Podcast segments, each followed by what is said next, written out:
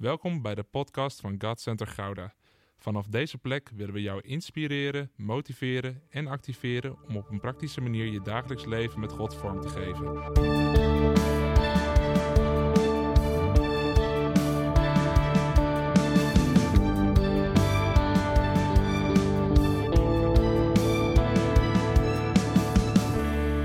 Goed om weer terug te zijn van vakantie. Ik hoop dat jullie ook een goede tijd hebben gehad deze zomer. En ik kijk onwijs uit naar de komende periode. Naar de komende tijd, naar het komende seizoen.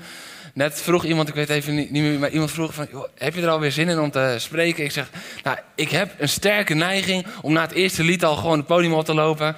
En te zeggen van, jongens, de rest doen we daarna, want ik kan niet meer wachten. Want ik, oh man ja, berg met twee weken op en zonder te mogen spreken. En er komt een hele grote drijf naar boven.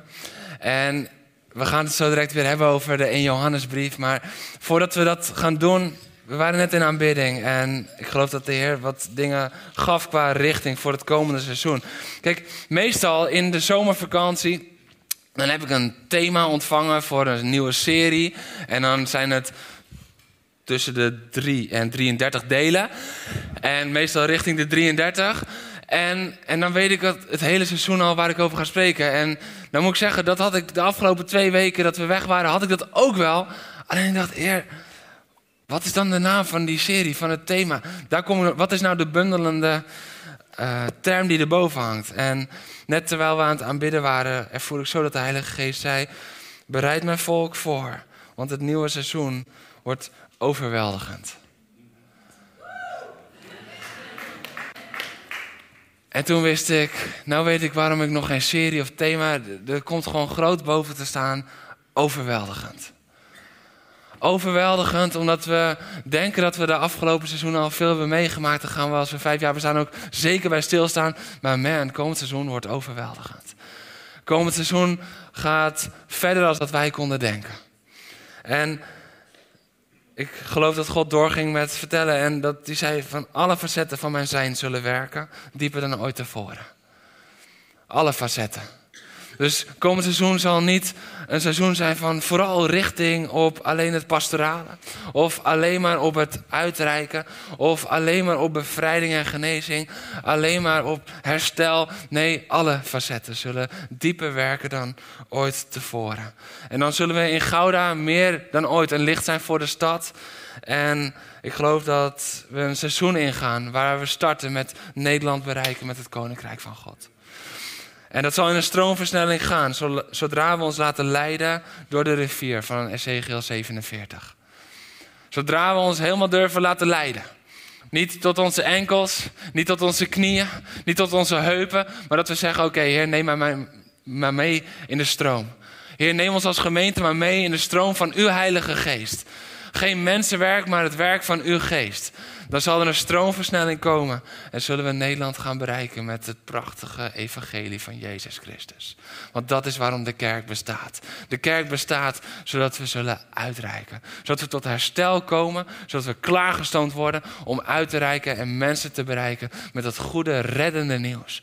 Want wat hebben we eraan als we hier fijne tijd hebben met elkaar, maar buiten gaat iedereen verloren en we kijken er niet naar om. Dit is waarom we kerk zijn. En dat zal overweldigend zijn. Overweldigend. Dus als je een vaste plek hebt en je hebt daar moeite mee, zorg dat je een soort gordel gaat klaarmaken op je stoel. Want het zal overweldigend zijn. En dan op een gegeven moment zal je zo dwars door je gordel heen gebonjourd worden. Door de kracht van de geest van God. Halleluja. Maar het zal overweldigend zijn. Ik wil vandaag beginnen vanuit deze wetenschap dat we een overweldigend seizoen ingaan met 1 Johannes 2, vers 15 tot en met 17. En we beginnen gewoon met het lezen van het woord van God vandaag. 1 Johannes 2, vers 15 tot en met 17. Mocht je hier voor het eerst zijn, we zijn al de hele zomer bezig met de brief van 1 Johannes. En we kijken nu naar 1 Johannes 2, vers 15 tot en met 17. En misschien denk je van, oh, hij heeft lekker een chille vakantie gehad. En dan komen we zo'n zo'n lekkere warme dekenboodschap. Heb de wereld niet lief. En ook niet wat er in de wereld is. Als iemand de wereld lief heeft, is de liefde van de Vader niet in hem of haar. Goedemorgen, we zijn weer terug. Hebben we er zin in? Halleluja. Want al wat in de wereld is, de begeerte van het vlees, de begeerte van de ogen en de hoogmoed van het leven, is niet uit de Vader, maar uit de wereld. En de wereld gaat voorbij met haar begeerte. Maar wie de wil van de Vader doet, blijft tot in eeuwigheid. Amen. Je mag gaan zitten.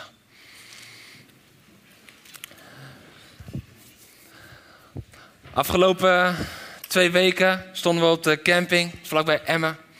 En uh, mijn schoonvader was er ook mee, dus Peter en ik hadden een date. En toen we op date waren, toen kwamen we de beste ijssalon van Emmen tegen. 48 smaken. Ik dacht, heer, ik ben in de hemel, maar het was nog niet zo. 48 smaken. En, en we namen zo'n koep met veel te veel bolletjes ijs, weet je wel. Dat je op een gegeven moment denkt, hé, hey, ik ben bevroren van binnen.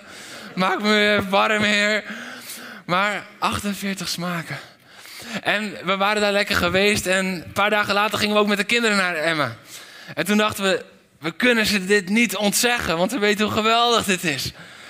En dat is dan soms, zeg maar, in een opwelling, maar eigenlijk gewoon een grote fout. Want wij nemen onze kinderen mee en die staan daar. En die zien gewoon 48 onmogelijke keuzes. En vooral Boas. Die had keuzestress. Want die dacht, maar als ik die nou neem, dan kan ik die niet proeven. En als ik die neem, dat betekent dat ik die niet kan hebben. En ik weet gewoon dat als Boas daar staat, dan moeten we gewoon een kwartiertje nemen. Dus ik zei ook tegen die vrouw, die stond al helemaal met haar ijslabeltje paraat, weet je wel. Ik zeg, nou, neem maar even de tijd. Dit duurt nog wel even. Oké, zegt ze. En we stonden daar inderdaad minuten lang. Minuten lang. Totdat mijn geduld dan op een gegeven moment langzaam, zeg maar, net zo wegsmelt als dat het ijs in je hornetje zou wegsmelten. En ik op een gegeven moment begin te zeggen: Wow, als je niet binnen een minuut kiest, dan ga ik voor je kiezen. Oh nee, nee, nee, nee, nee. Het is gewoon zielig en dan heb ik toch wel weer medelijden en dan heb ik spijt dat ik dat heb gezegd. En dan denk ik: Ach, oké, denk maar rustig na. Maar waarom heeft hij die keuzestress? Omdat hij weet dat als hij het ene kiest, dat het andere niet meer kan. Want hij weet, ik krijg twee bolletjes en geen 48. En dat is liefde, want het zou mishandeling zijn om je kinderen 48 bolletjes te laten eten. Weet je, oh, ja, ja, ja. Oh, wat is die slechte vader, ja.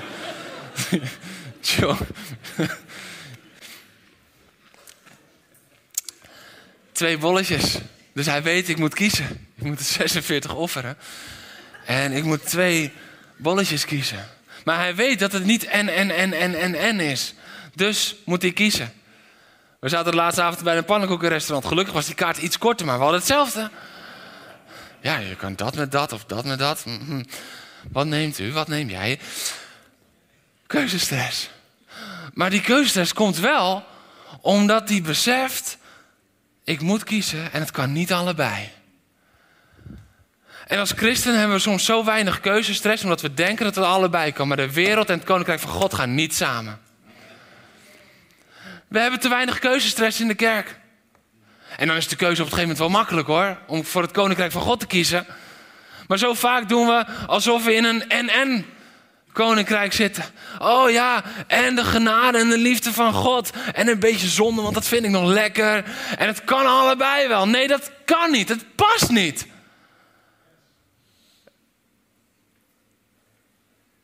We schatten God niet op waarde als we denken dat we zo met Hem kunnen leven.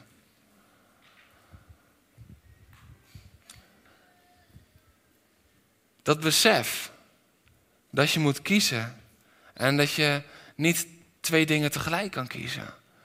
Dat is een heel goed besef.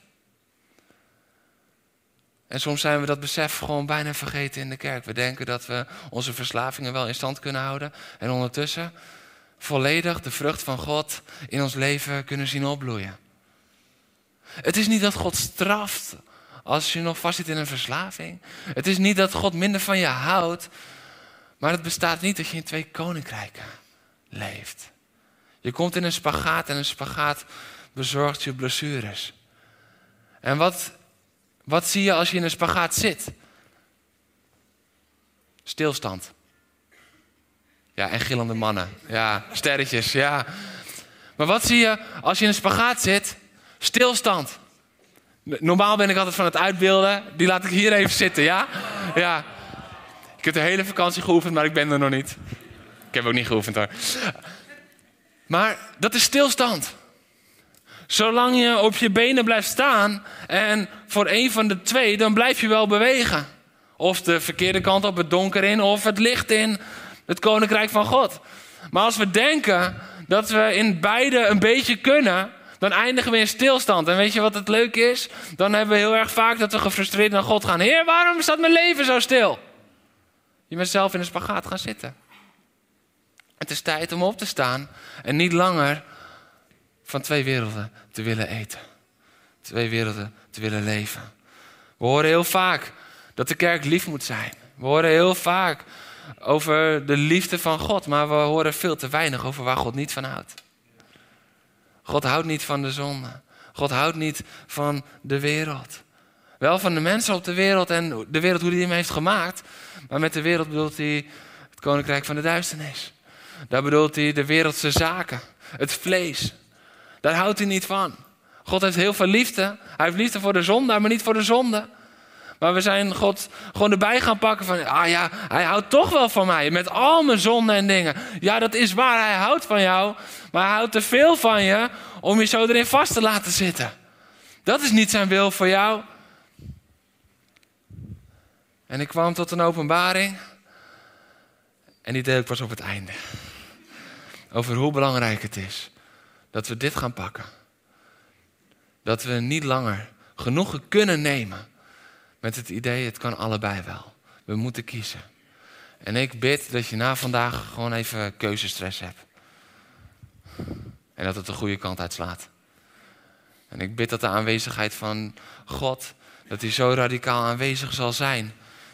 Dat de keuzestress alleen maar is omdat je voelt wat je gaat opgeven en niet omdat je twijfelt wat je moet doen. Want dat is het vaak.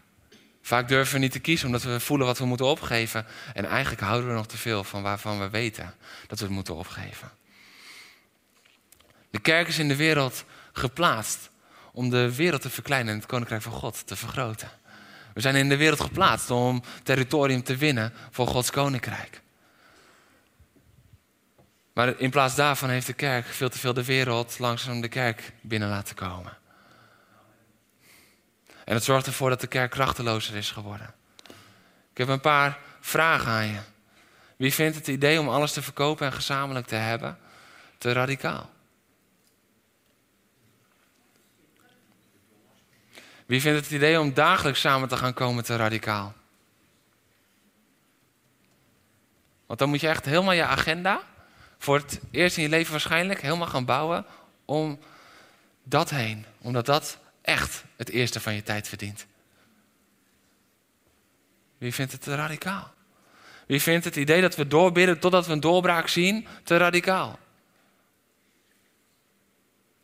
Of het idee dat we moeten opstaan voor de huwelijken tussen man en vrouw en de huwelijken in het algemeen die zo vaak klappen. Wie vindt het te radicaal dat we daar als kerk voor gaan opstaan? Dat we niet genoegen nemen met hoe het nu gaat in de wereld? Wie vindt het te radicaal dat we in de bres springen voor de kinderen?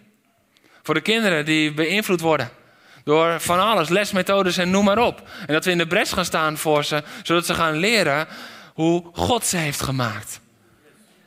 En dat dat goed is. En dat wat mensen allemaal aan het spiegelen zijn vanuit gebrokenheid, dat dat niet het nieuwe normaal is, maar dat het gebrokenheid is. En dat we van al die mensen moeten houden met het diepste van ons hart, want God houdt ook van hen, maar niet van de boodschap die ze brengen. We kunnen van iedereen houden zonder dat we van de boodschap houden die mensen brengen. Wie vindt het idee om je tv het huis uit te gooien als je er te veel aan vast zit, radicaal?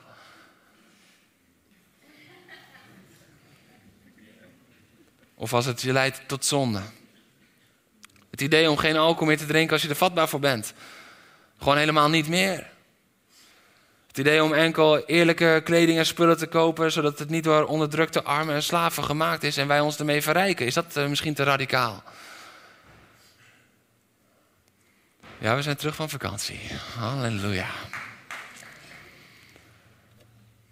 Dit zijn geen menselijke ideeën om je dichter bij God te brengen. Dit zijn Gods principes om je dicht bij Hem te houden. Dit zijn geen menselijke ideeën. Ja, maar Jeroen, het is wel een menselijk idee, want uh, in de tijd van de Bijbel waren er nog geen tv's. Dus dat was jouw idee. Nee hoor. Want Jezus zegt gewoon, hé, hey, als je oog je verleidt tot, ruk hem uit. Als je tv je verleidt tot, met je oog, ruk hem uit. Ja, en Jeroen, we kunnen niet gaan bidden totdat we een doorbraak zien, want we kunnen God niet voor ons karretje spannen. Nou ja, toen Petrus gevangen zat, zag ik de discipelen niet anders doen dan de eerste gemeente zijnde. En toen Nineveh omgekeerd zou gaan worden, zag ik dat er een bidden en vasten werd uitgeroepen. En dat die bekering in de harten en de toewijding aan gebed en vasten, dat die God van gedachten deed veranderen. Dus misschien zijn we soms wel te veel in de opvattingen die ons gemak brengen gaan geloven en niet meer de opvattingen van de Heer. Want hoe vaak zijn we nog echt doortastend in gebed? Of is het gewoon even voor een tijdje en we hebben een goede gebedsdienst gehad en we hebben het weer bij de Heer gebracht en het is klaar. Te vaak bidden we ook voor, om vrij te komen van iets waar we nog te veel van houden. En dat werkt niet. Komen we naar voren voor gebed? Dit, dit, dit is oprecht wat ik wel eens bij mannen doe. Dat als ze naar me toe komen om te bidden voor een stukje bevrijding van geest van lust of iets wat is gekomen door de pornografie en ze zitten er nog aan vast.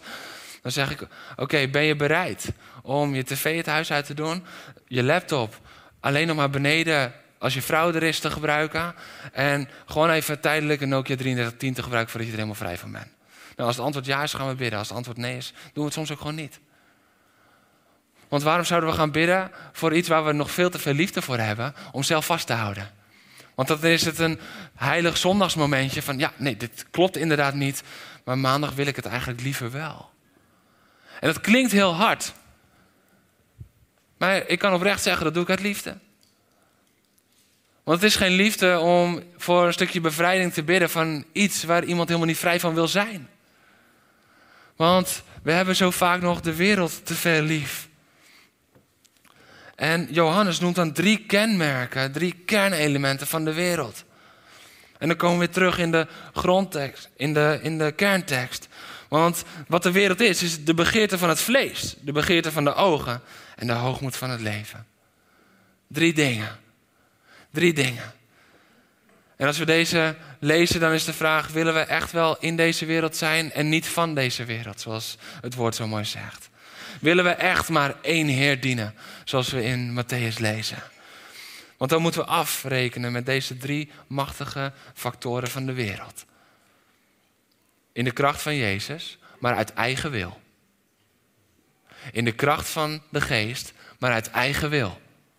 Want als wij het niet willen, dan zullen we toch uit de kracht van de geest stappen en weer ons vlees achterna gaan. Ons verlangen achterna gaan. Want te vaak bidden we om vrij te komen waar we nog te veel van houden. Laten we beginnen bij de begeerte van het vlees. Je kan God niet liefhebben en tegelijkertijd de wereld dienen. Je kan de wereld en God niet tegelijkertijd dienen. Je geeft toe aan de begeerte van het vlees of aan de vrucht van de geest. Je geeft ruimte aan je oude zondige natuur of aan je nieuwe identiteit om daaruit te leven. Zie je dat het weer of-of is? Zie je dat het niet allebei kan?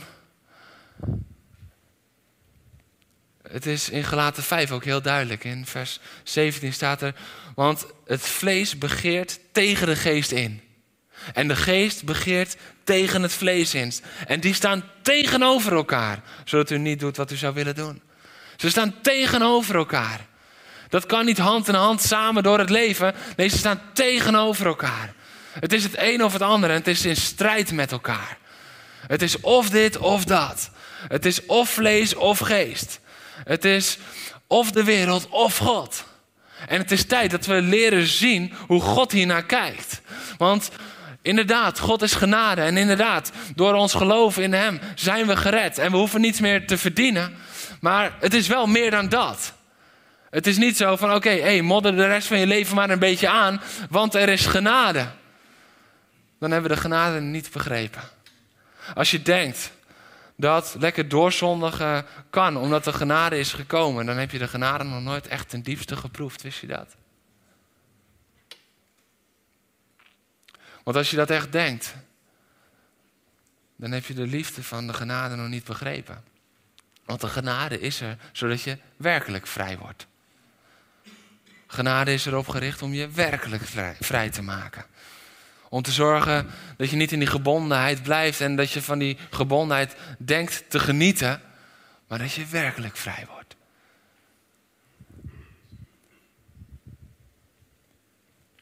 Wij zijn zonde gaan normaliseren, terwijl de Bijbel ons leert om erover te triomferen. We zijn het gaan normaliseren in de kerk. Het hoort erbij, ieder zijn eigen proces. Maar, en dan gaan we volgende week op verder, we zijn om te triomferen. En de Bijbel leert ons dat we alles in ons hebben om de zonde en de wereld te verslaan. En dat pakken we vaak als het gaat over bevrijding, maar niet als het gaat over de facetten in ons eigen leven waar we nog mee worstelen. Dus het is zo belangrijk dat we hem een keertje echt diep laten landen in ons leven. Dat we hem echt diep laten landen in ons hart. Oh, wacht. Ik ben dus bestemd om te triomferen. En niet om het maar te normaliseren. Want de begeerten van het vlees gaan lijnrecht in tegen het woord van God. Wij zijn bestemd om de zonde te haten. Het gaat vandaag over, je bent geroepen om niet lief te hebben. Je bent geroepen om niet lief te hebben. Je bent geroepen om de wereld niet lief te hebben. En wat is dan die wereld?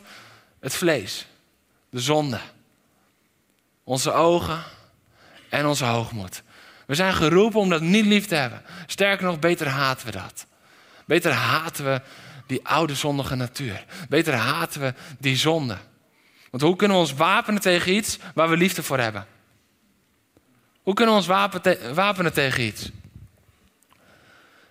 Weet je, als je in een bokswedstrijd staat en je bent te goed bevriend tegenover elkaar, dan, dan ga je niet vol uithalen. Je kan je niet wapenen tegen wie je vriend is. Dus als we te veel liefde hebben voor de zonde, dan kunnen we ons er niet tegen wapenen. Want we hebben te veel onze vriend laten zijn. Maar het is tijd om ermee af te rekenen. Het is tijd dat de kerk weer radicaal wordt. En dat we echt de genade pakken. En dat we dus niet alleen van, oh, dan ben ik eeuwig gered en halleluja. Maar dat de genade dus ook betekent dat we alle kracht hebben gekregen om in totale overwinning te leven over elke zonde. Maar daar zijn we vaak een stuk minder enthousiast over, hoor je het?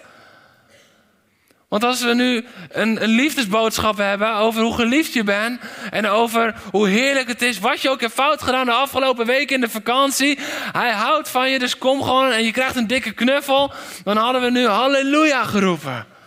Maar als het gaat over het scherpe randje, wat je echt vrijzet,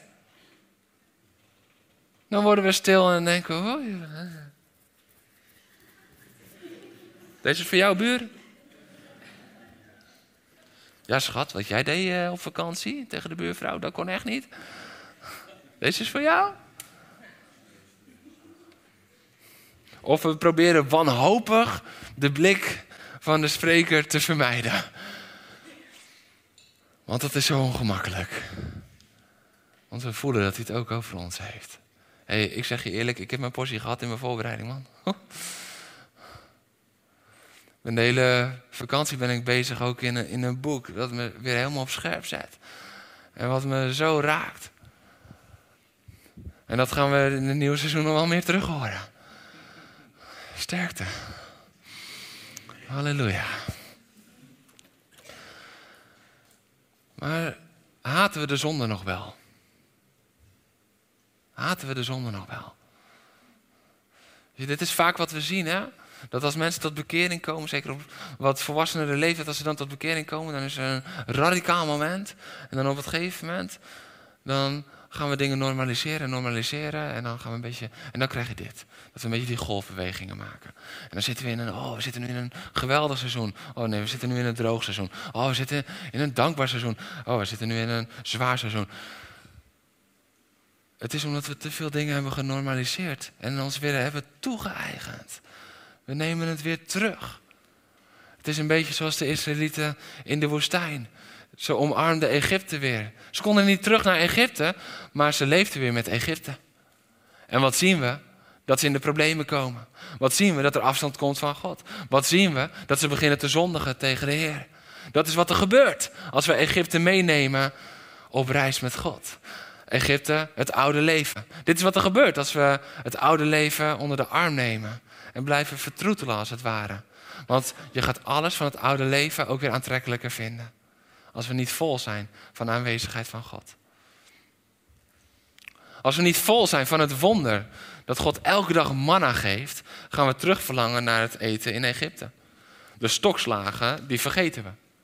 Dat we slaven waren, vergeten we. Dat de mensen doodgeslagen werden, vergeten we. Dat je er aan onderdoor ging in gebondenheid, dat vergeten we. Maar het eten was zo lekker. Maar het wonder valt elke ochtend voor je deur. Dit is de realiteit van hoe ze door de woestijn trokken. Het wonder is het water dat God voorziet in de woestijn. We zijn bestemd om de begeerte van het vlees te haten. En dan hebben we ook nog iets anders, de begeerte van onze ogen. En dat is blijkbaar dus iets anders als de begeerte van het vlees. Want dat is echt die oude zondige natuur. Maar onze ogen zijn zo bepalend in ons leven. Ja, nee, maar ik kijk wel naar dingen, maar ik doe er dan niks mee. Ken je die? Wie heeft die wel eens gehoord? Oh, weinig mensen. Waar je oog zich op richt, wordt je handelen naar getrokken. Waar je oog zich op richt, wordt je handelen naar getrokken. Waar je mee vult, daar ga je uiteindelijk naar handelen. Denk niet dat je alles kan kijken zonder dat je handelen en je denken wordt beïnvloed. Ook de begeerte van onze ogen zorgen van, voor de richting in ons leven. En dan is de vraag, waar zijn onze ogen op gericht? En weet je, dit is ook het, het moeilijke hiervan. Want dit zijn vaak niet direct de dingen die we zouden bestempelen als... oeh, dat is fout, oeh, dat is zonde. Want onze ogen zijn dan gericht op rijkdom. En dat kan je een beetje verborgen houden. En je kan het ook nog onderbouwen, want het vermogen van de heidenen is bedoeld voor de kinderen van de Heer. Ja, oh, halleluja, Bijbeltekst. Ik ben geestelijk bezig. Nee, je bent bezig om jezelf te verrijken. En als God je rijkdom geeft en je doet er goede dingen mee, is er niks verkeerd mee, hè? Begrijp me niet verkeerd. Maar als jouw ogen zich alleen maar richten op rijkdom en dat is het doel in je leven, dan zal je steeds meer en meer gaan merken dat je alles daaromheen laat vallen om daar maar voor te gaan. Richt je te veel op zekerheden, richt je te veel op bevestiging of status, waar je ogen zich op richten, daar wordt je handelen naartoe getrokken. Waar zijn je ogen op gericht? Kijk naar eten en je krijgt honger. Kijk er lang naar en je krijgt honger. Tijdens vasten kom je erachter hoeveel dingen van eten je ziet. Is dat je wel eens opgevallen? Dat je door de stad fietst en dat je denkt: echt alles is hier gewoon eten? Het slaat helemaal nergens op. En wij maar denken van, oké, maar waarom komen we nou met zo'n hongergevoel thuis? En dan denk je van, ja, ik, ik ben sterk geweest, want ik ben niet langs uh, de stroopwafelkruimeltent gegaan of ik heb geen ijsje gehad. Maar thuis zitten we nog zo met een hongergevoel dat we straks open trekken. Want we krijgen honger, want onze ogen richt zich erop. Ik heb een tijd in de supermarkt gewerkt. En daar leerde je gewoon van, ja, bepaalde dingen moet je daar en daar zetten, want dan zijn ze in het zicht. Mensen kopen het. Waarom denk je dat er van die handige, direct opeetbare verpakkingen bij de kassa staan? Het oog. Ze staan in het zicht. Want waar je oog zich op richt, wordt je handelen naar getrokken. Het is gewoon wat er gebeurt. Als je elke dag naar andere huizen gaat kijken, dan op een gegeven moment ben je ontevreden met het huis waar je nu woont. Ik durf je op een briefje te geven. Dat als jij nu heel tevreden woont en dankbaar bent voor de ruimte die je hebt gekregen en het huis dat God je heeft gegeven, ga twee maanden, elke dag, s ochtends een kwartier en s'avonds een kwartier, op Funda zitten en ga dan alleen zoeken boven je eigen budget. En je bent over twee maanden doodongelukkig in je eigen huis. Want waar je ogen zich op richten, daar wordt je denken door beïnvloed. En die grote woonkamer waar je nu zo van geniet, die is op een gegeven moment te klein. Want ja, ik had laatst een huis gezien, joh. Dat was mooi. Er er gewoon en een vleugel, en een pooltafel, en een tafeltennistafel in. En dat was niet eens de woonkamer, dat was alleen de man cave. En dan kwam er daarna nog de woonkamer. Zo snel gaat het. En dat waar je vol tevreden en dankbaar voor bent, wordt kleiner en kleiner. Niet omdat de muren naar elkaar toe komen in je eigen huis, maar omdat je ogen zich richten op iets groters, op altijd maar meer. Kijk elke dag naar Insta en je wil jezelf niet meer zijn. Want dan wil je iemand anders zijn. Kijk elke dag op Insta naar het fantastische gefilterde leven van een ander. Waar je ogen zich op richten, daar wil je naartoe werken. Vul jezelf ermee en jij wil ook zo worden. Jij wil dat ook. Dat is zo belangrijk, dat is zo mooi. Want je ogen begeren. Je ogen kijken niet, hè, alleen. Dit was een van de openbaringen die in deze tekst voor mij kwam. Wij denken altijd dat ogen kijken. Maar ogen begeren. De begeerte van de ogen. Denk niet dat je je ogen gewoon lekker rond kan laten gaan zonder dat er iets in je hart gebeurt. Want je ogen begeren. We moeten onze ogen daarom op Jezus houden. Waarom denk je dat er staat? Dat we continu onze ogen gericht op Jezus moeten zijn tijdens de hele wedloop. Dat we continu op Hem gericht moeten zijn. Omdat als we kijken en we zien dat teentje langs de weg van de wedloop, dan gaan we begeren. Als we zien dat anderen lekker liggen te chillen in een hangmat langs de wedloop, dan gaan we dat begeren en we zullen stoppen met de wedloop. Als we kijken naar luxe, dan zullen we luxe gaan begeren. Waarom? Onze ogen begeren. Je kan niet alleen kijken met je ogen. Je kan niet alleen kijken met je ogen. Dit is ook de reden dat Jezus in de bergreden niet alleen zegt: als je rechterhand je verleidt tot zonde, hak hem af. Maar dat hij ook zegt: als je oog, als je oog kijkt, als je oog begeert, ruk hem uit. Jezus weet dat het niet genoeg is om wel met je ogen lekker rond te lopen, alleen je hand af te hakken. Omdat hij weet dat de zonde al kan plaatsvinden in je denken en in je hart. Dit is de boodschap van Jezus. Dit is de boodschap van onze goede herder, die ons lief heeft. Die zegt, beter met één oog en één hand, als dat je getrokken wordt naar waar die andere oog en die andere hand je naartoe willen trekken. Dat is radicaal. Dat is duidelijk. Dat is het evangelie. Dat is genade. Hoe moet ik daar de genade in zien? Dat is genade. Het is genade dat Jezus jou leert wat het allerbelangrijkste is in je leven. Het is genade dat het niet uitmaakt wat we daarvoor hoeven te verliezen, maar dat onze eeuwigheid daarin vast ligt. Het is genade. We zijn bestemd om de begeerte van onze ogen te haten. Weet je, de hebberigheid van deze wereld is een van de grootste vijanden van tevreden leven met God. Altijd maar meer, altijd maar beter, altijd maar groter. Het is nooit genoeg. Het is niet goed. Het is niet goed dat we daar zo aan toegeven. Wat dat betreft, ik weet niet wie er gisteravond atletiek heeft, even, heeft gekeken. Ik heb zoiets nog nooit gezien. In een kwartier achter elkaar, binnen de laatste 30 meter, valt de koploper en wordt geen eerste. En twee Nederlanders. Maar Sivan Hassan, die dus 10 kilometer, dus 900. Nou, hoeveel zal het zijn geweest? 9, uh, nee, 9970 meter had ze goed gelopen. En in de laatste 30 meter valt ze. En bijna elke sporter zou helemaal stuk zijn, want dit was het. Dit is alles. Dit is... En zij zegt, ach, weet je, er zijn ergere dingen in de wereld. Er is niemand dood. Zij ze letterlijk, het is vervelend, maar ik voel me zo sterk. En ja, Het ging zo goed. En toen dacht ik, wauw, dat is krachtig. Dat je niet helemaal blind staat op, ik moet altijd maar meer. Nee, ze had genoten van die bijna 10 kilometer. ze had ervan genoten. En, en, ze zei, ach, het was niet de Olympische Spelen. Dat was wat erger geweest, want dat is maar één keer in de vier jaar, dit is elk jaar. En ze was zo chill.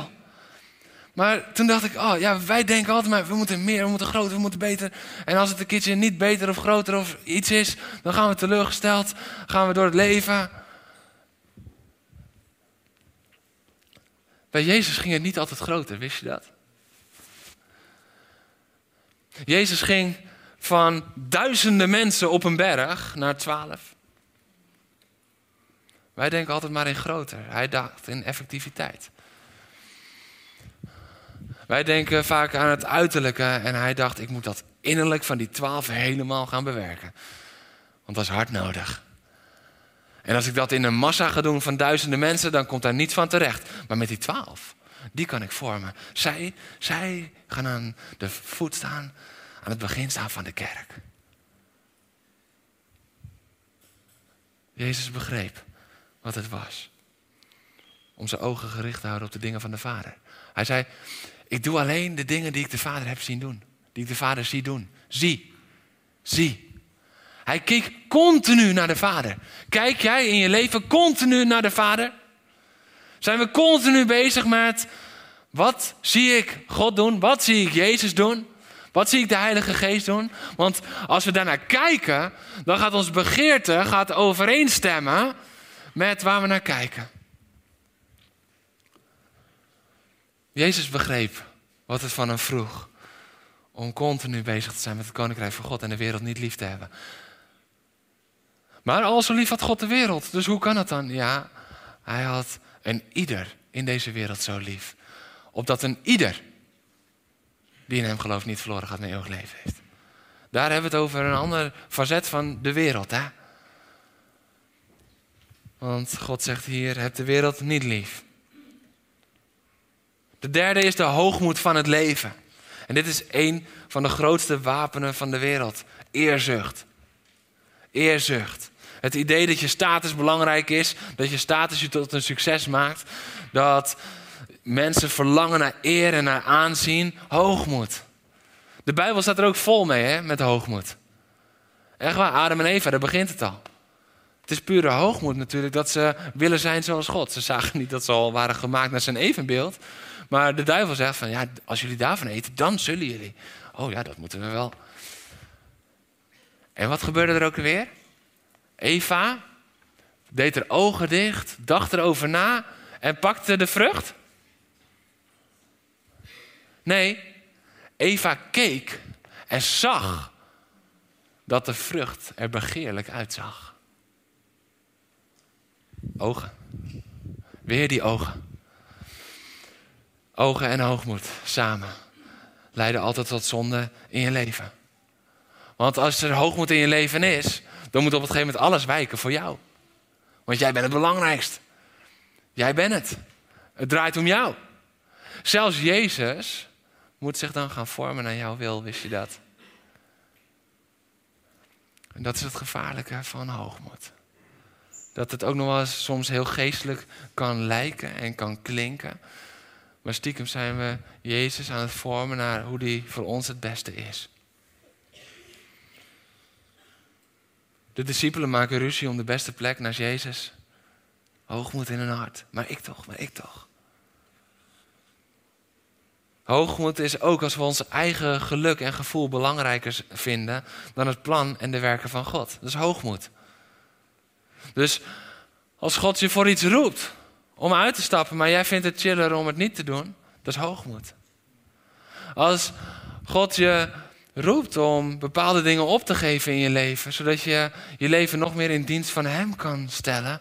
En je doet het niet, want je vindt die dikke bankrekening toch wel erg lekker en die derde vakantie toch wel erg belangrijk, dan is dat hoogmoed, want jij bent belangrijker dan God op dat moment. Ben je niet, maar je vindt het wel van jezelf. En dat is hoogmoed.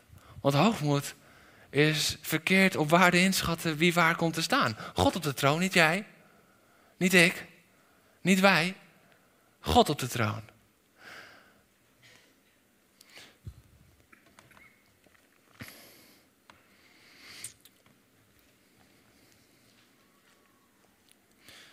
En ik geloof dat de Heilige Geest op dit moment wil spreken.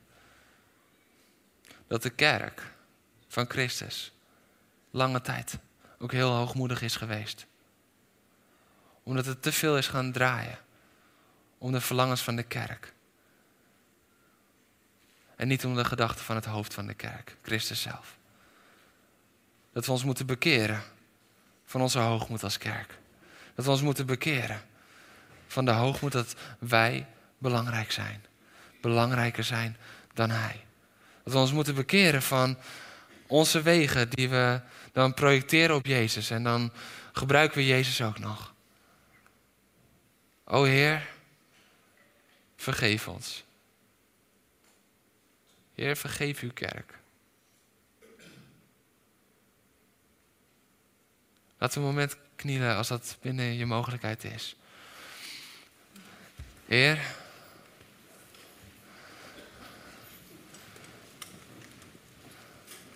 op dit moment komen we in nederigheid voor uw troon, Heer. Heer, om te breken met onze hoogmoed. Om te breken met al die plekken waar we onszelf belangrijker hebben gemaakt of geacht dan u.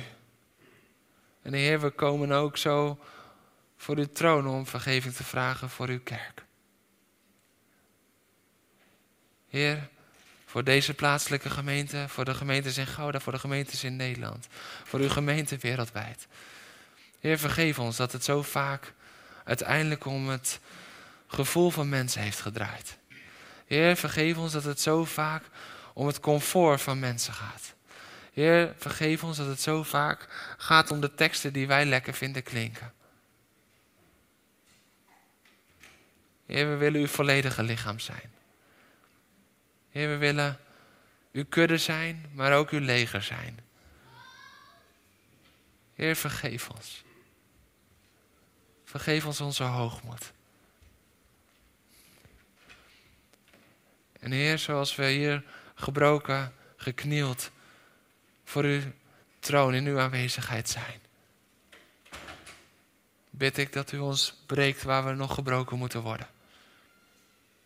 Heer, breek ons eigen denken, breek ons eigen verlangen, breek ons onze liefde die voor onszelf nog soms zo veel groter is als onze liefde voor u. Weer aan het begin van een overweldigend seizoen. Een nieuw seizoen. Hebben we het nodig, Heer, om volledig beschikbaar te zijn. En Heer, ik bid dat de kerk in Nederland zal breken met de hoogmoed. Zal breken met de hoogmoed van mensen. Het verlangen van mensen. Maar dat uw woord weer centraal zal staan. Heer, dat uw geest weer centraal zal staan. Heer Jezus, dat u centraal zal staan. Vader, dat u centraal zal staan. Heer, dat we u zullen volgen in alles. In het comfortabele en het pijnlijke. Heer, en dat we dat dan doen, niet met een gezicht, Heer, van verdriet of onderdrukking. Nee, maar een gezicht vol vreugde. Omdat we weten dat u goed bent. Halleluja. Dank u wel, Heer. Dat als wij ons bekeren, dat u verandering geeft. En vandaag willen we ons als kerk bekeren. Bekeren van hoogmoed. Begeerte van vlees, begeerte van ogen. Zodat we echt uw lichaam kunnen zijn. In volle kracht. In Jezus' naam. Amen.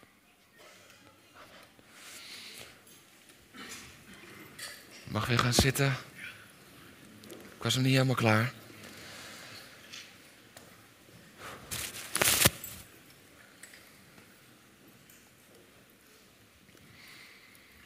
Het is goed om de komende tijd je drijfveren te checken. Wat zijn de drijfveren voor de dingen die je doet? Want de grootste vallen worden veroorzaakt door een ik-gericht en hoogmoedig leven. Want grenzen vervagen, waar hoogmoed komt, Morele kompassen verzaken en gewetens worden gesust door hoogmoed. Het is tijd dat de kerk ermee breekt. Maar dat we ook in ons eigen leven ermee breken en dat we ons eigen hart gaan onderzoeken. Waar zitten verkeerde drijfveren? Waar zijn de drijfveren voor de dingen die ik doe? Niet gericht op God, maar op onszelf. Onze eigen eer. En denk niet te makkelijk erover, want hoogmoed is lang te bedekken. Maar uiteindelijk heeft het heel veel dingen kapot gemaakt. En vaak niet alleen jezelf, maar ook de mensen om je heen. Het maakt kapot. Want je geweten wordt gesust. Dus hoe je tegen anderen doet om jezelf hoger te krijgen, je geweten wordt gesust. Je morele kompas, die raakt van slag. Dus je gaat keuzes maken die je vijf jaar geleden niet had gemaakt. Je gaat keuzes maken die je tien jaar geleden heel anders had gedaan. En grenzen vervagen. Je vindt de dingen die vroeger niet konden, nu wel kunnen, want het komt jou wel goed uit.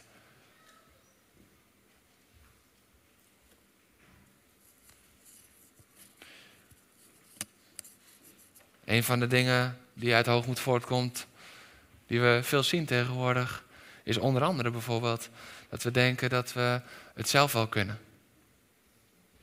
Ja, ga één keer in de zoveel tijd naar de kerk. Ik ben dankbaar dat we een hele trouwe gemeente hebben die het heeft gepakt hoe belangrijk het is om in het huis van de Heer te zijn. Maar dit is echt een groot probleem in de kerk van Christus. Maar ook dat we, oh man, de Heer is hier. Maar ook dat we het lef hebben om in de aanwezigheid van God wekelijks gewoon lekker met ons telefoontje bezig te zijn. Dat is hoogmoed. is hoogmoed. Want wij zijn belangrijker als de koning der koningen in wiens aanwezigheid we zijn.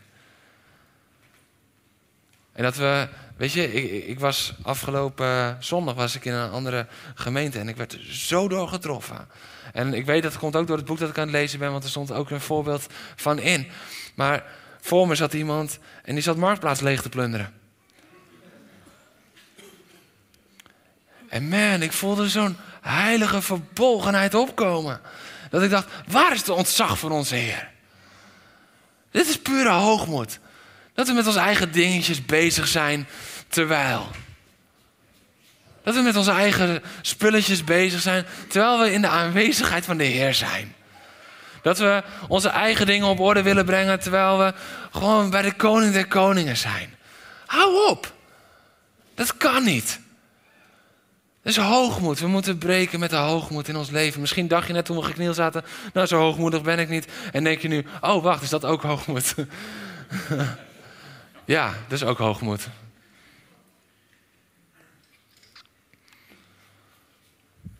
de Heer heeft genade dat.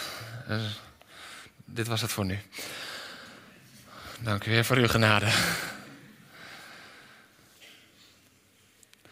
En weet je wat ik dan zo krachtig vind? Dat vers 17 eindigt dan met: En de wereld gaat voorbij. Het is allemaal tijdelijk. Waar zijn we nou mee bezig? Ja, ik heb 8,9 miljoen op mijn bank staan. Ja, en je gaat dood en je hebt helemaal niks meer. Even cru, maar zo is het. Dus helemaal niks gaat mee. Alleen de zielen. Alleen maar de mensen die je bereikt met het evangelie van God. Van Jezus. Dat gaat mee. Dus enkel God is eeuwig en daarmee het koninkrijk van God. En dat blijft tot in eeuwigheid. Alles wat we voor de wereld doen is gewoon weggegooid. Is gewoon zinloos. Ja, maar we hebben ook een leven en we moeten. Nee, het is gewoon zinloos. En ja, mogen we ons leven onderhouden? Ja, dat deed Jezus ook. Deden de discipelen ook. Deden de mensen van de eerste gemeente ook. Ze deden het op een andere vorm, maar ze deden het ook. Paulus werkte ook nog gewoon tussen zijn reizen door en tijdens zijn reizen om zijn levensonderhoud te kunnen voorzien. Deed hij ook. Maar hij leefde niet voor zijn levensonderhoud. Hij werkte zodat hij kon leven. En het echte leven is Christus. Sterven is gewin, maar het echte leven is Christus. Dit zijn de woorden van Paulus. Weet je, je kan je tijd, je geld, je liefde, je aandacht, je talent, je kan maar één keer uitgeven. Je kan maar één keer kiezen. Deze ochtend kon je maar één keer leven. Je bent hier op een goede plek. Je bent goed verbonden als je meekijkt. Je kan maar één keer. Je, je, je had een serie terug kunnen kijken op Netflix en je kon hier zijn. Je hebt een goede keuze gemaakt. Je kan alles maar één keer uitgeven. Je kan je tijd maar één keer spenderen. Je kan geen twee heren dienen. Dien je God of dien je de wereld? Dien je God of dien je jezelf? Ik wil de worship alvast naar voren vragen. En dan kom ik nu bij de diepe openbaring die God me gaf. Ja, die hadden we nog niet gehad. Want de vraag is dan, ja, maar hoe maken we dat dan praktisch? Hoe gaan we dan praktisch maken? Dat we de wereld niet meer lief hebben. Dat we kunnen breken met de begeerte van het vlees, de begeerte van de ogen, de begeerte van het leven. Matthäus 16, vers 24. Daar zegt Jezus tegen zijn discipelen: Wie achter mij aan wil komen, moet zichzelf verloochenen, zijn kruis op zich nemen en mij volgen. Dit zijn er ook drie. Dit zijn er ook drie, net als die andere drie. Je kruis op je nemen is het breken met het begeren van het vlees. De zonde die aan het kruis is genageld. Breek ermee. Neem je kruis op je en laat het niet langer heersen in je leven. Laat het niet langer een plek hebben in je leven. Want wij dienen de koning der koningen die aan het kruis elke zonde heeft overwonnen. Hij heeft de zonde gedragen. Hij heeft de zonde overwonnen. Niet zodat wij er nog in konden leven en toch eeuwig leven hebben. Nee, zodat wij er vrij van zijn en eeuwig leven hebben. Dat is het evangelie van Jezus Christus. Neem je kruis op je. Breek die begeerte van het vlees in je leven. Verlogen jezelf. Breek met de begeerte van je eigen ogen. Verlogen jezelf. Dat is niet jezelf waardeloos achten of als klein zien. Nee, dat is erkennen dat zijn gedachten en zijn wegen beter zijn als die van jou. Dat is jezelf verlogenen. Jezelf verlogenen is niet een minderwaardigheidscomplex. Nee, jezelf verlogenen is Hem erkennen boven jou. Dat is jezelf verlogenen. Dat is wat Jezus je vraagt om te doen. Breek met die begeerte van je ogen. Want jezelf in jezelf. En wat ik zie, dat wil ik doen. En mijn ogen leiden mij tot. Nee, jezelf verlogenen. En Jezus volgen. Breek met de hoogmoed in je leven. Volg niet langer je eigen pad. Volg niet langer jezelf, maar volg Hem. En weer is er een stukje duidelijker geworden dat Jezus zegt: Wie achter mij aan wil komen, moet zijn kruis op zich nemen, zichzelf verloochenen en mij volgen. En ik dacht altijd: Ja, hem volgen, dat is toch zo logisch als je achter hem aan wil komen. Maar dat betekent dat je breekt met de hoogmoed in je eigen leven. Met de hoogmoed van jezelf belangrijker vinden. Want anders pretenderen we met Jezus te leven, maar we gaan onze eigen weg. En Jezus is dan zo goed en genadig dat hij je komt zoeken als je weer vastzit. En we denken, ja, we leven met Jezus. Ja, omdat de goede herder je komt opzoeken als je weer vastzit in de doornstruik. Omdat hij je weer trekt uit de put. Maar dat is niet het leven met Jezus zoals Jezus bedoeld heeft. We leven met Jezus als we Hem volgen. Als we Zijn wegen gaan. En met Hem zijn. En let op. Als we dat doen. Dan komt Romeinen 8 tot vervulling. Dan worden Gods kinderen openbaar dan worden Gods kinderen openbaar. En de wereld verlangt ernaar. Dat zegt Romein 8. De wereld verlangt naar het openbaar worden van Gods kinderen. Nou, Gods kinderen worden niet openbaar als we de wereld lief hebben. Maar de mensen in de wereld die hunkeren ernaar dat die scheiding een keertje duidelijk wordt. Dat het een keertje duidelijk wordt dat die gast die op zondag zo vurig in aanbidding staat, diezelfde aanbidding leeft op woensdag. En dat het niet een soort knipperlicht relatie is met Jezus. En dat je denkt, ja, ik weet het niet, ik zie het niet meer. Ik zie alleen nog maar sterretjes, omdat het de hele tijd zo knippert. Wat is de kerk toch hypocriet, denken mensen dan. Maar het openbaar worden van Gods kinderen is als we onszelf gaan verlogen, ons kruis op ons nemen en als we Hem gaan volgen. Dat maakt dat we breken met de begeerte van de wereld. Onze hoogmoed, onze ogen en ons vlees. Er is geen tussenweg. Er is geen tussenweg. Het is niet van oké, hey, vandaag dit, maar morgen zit ik wat minder lekker, dan geef ik lekker toe aan mijn eigen gevoelens, dus doe ik dat. Dan worden Gods kinderen niet openbaar. En de wereld verlangt ernaar dat Gods kinderen openbaar worden. De wereld verlangt ernaar. Zodat ze gaan zien dat het woord van God waar is. Zodat ze gaan zien dat God leeft. Zodat ze gaan zien dat zijn kerk daadwerkelijk leeft in vrijheid. In vrijheid. Het is niet aantrekkelijk om als gebonden christen door het leven te gaan en iemand te vertellen van ja, maar ik heb Jezus. En als je voor Hem kiest, oh, dan wordt je leven geweldig. Maar ik heb het wel zwaar. En ik zit nu al jaren vast in. Dat is ongeloofwaardig. Het is ongeloofwaardig. De wereld verlangt naar het openbaar worden van Gods kinderen. Openbaar worden van kinderen van God die in vrijheid leven. Die hebben gebroken met het vlees. Met eigen ogen. Met hoogmoed. Zodat ze in vrijheid leven. Dat is genade. Dat je je kruis op je mag nemen. Jezelf mag verloochenen. En hem mag volgen. Dat is genade. En als we dat doen. Dan zal de wereld rijkhalsend uitkijken. Dan zal de wereld nieuwsgierig worden. Dan zal de wereld willen zien wie God is. Dan komen ze naar je toe. Maar wat jij hebt, dat moet ik ook hebben. Ik heb Jezus. Dat moet ik ook hebben. Dat moet ik ook hebben. En dan ga je vertellen. Dat dat is wie. En, en dan kan je vertellen. Ja, hey, ik was net zo gebroken als jij. En ik zat net zo vast in de dingen van de wereld als jij. En ik dacht dat ik in ultieme vrijheid leefde. Want op Insta had ik de meeste volgers. En hey, het zag er allemaal zo gelikt en geweldig uit. Maar ik was zo eenzaam. En ik ging zo gebukt onder de verslaving van goedkeuring. Maar nu, nu ben ik vrij. Nu ben ik vrij.